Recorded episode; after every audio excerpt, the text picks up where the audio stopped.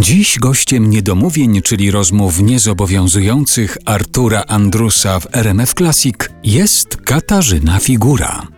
Tutaj parę nazwisk reżyserskich pojawia nam się w tej rozmowie. No i domyślam się, że jak się zagrało u Kieślowskiego, u Hasa, u, u Altmana, to może, może już nie korcić, żeby tak bardzo na przykład nawiązać kontakt z Billym Wilderem, do Tak. którego się pisało listy jako bohaterka jednego filmu, ale właśnie nie, nie próbowała pani nawiązać tego kontaktu już Ja go tam? poznałam. Tak? Ja go poznałam. No poznałam go po wielu latach. Pociąg do Hollywood, bo stąd pochodzi ta scena, kiedy moja bohaterka Mariolka pisze list do Billy Wildera. Tak naprawdę tego listu nie było w oryginalnym scenariuszu.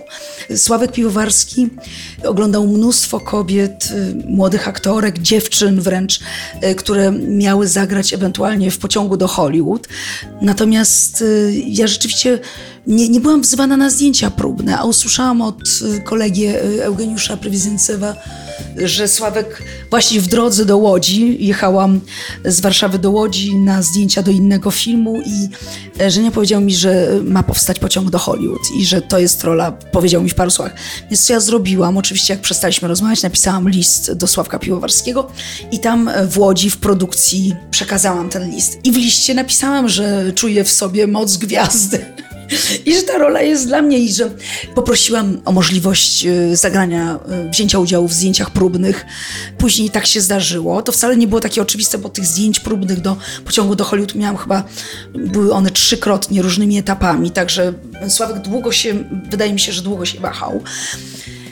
No i później minęło trochę lat i tak na skróty już pójdę, bo wiem, za dużo gadam, ale znalazłam się w Stanach Zjednoczonych, a stricte w Hollywood, czyli w Los Angeles. y, I doszło do tego, że również pojawiłam się na ceremonii Oscarów i byłam w towarzystwie grupy Francuzów, a dokładnie zostałam zaproszona przez francuskiego reżysera Jean-Paul Rapneau.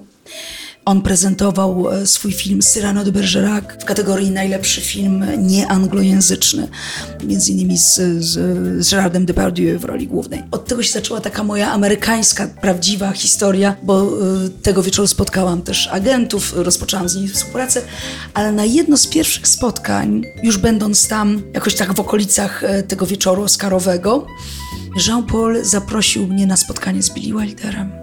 Ale powiedziała mu pani o tym, że grała Mówiłam, postać, a tak która- naprawdę Jean-Paul powiedział o tym, dlatego że, Jean-Paul no, oglądał e, pociąg do Hollywood.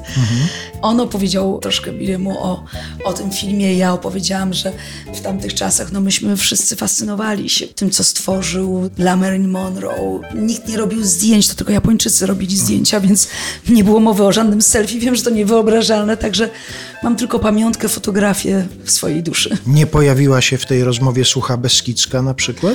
Tak, no stamtąd pochodził, prawda? Tak, jego, tak. jego rodzice Tak już- tam prowadzili, zdaje się, restaurację na dworcu, tak.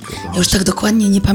Ja byłam po prostu, no bo to też y, to było coś takiego no, nierealnego. No, ja po prostu się oderwałam od ziemi, ja byłam nad powierzchnią, bo to było coś niebywałego.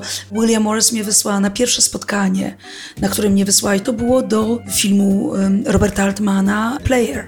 To były jakieś niebywałe rzeczy, więc tak też do końca nie pamiętam e, tej rozmowy, ale wiem, wiele osób z tych pokoleń właśnie amerykańskich filmowców ma korzenie u nas w Polsce.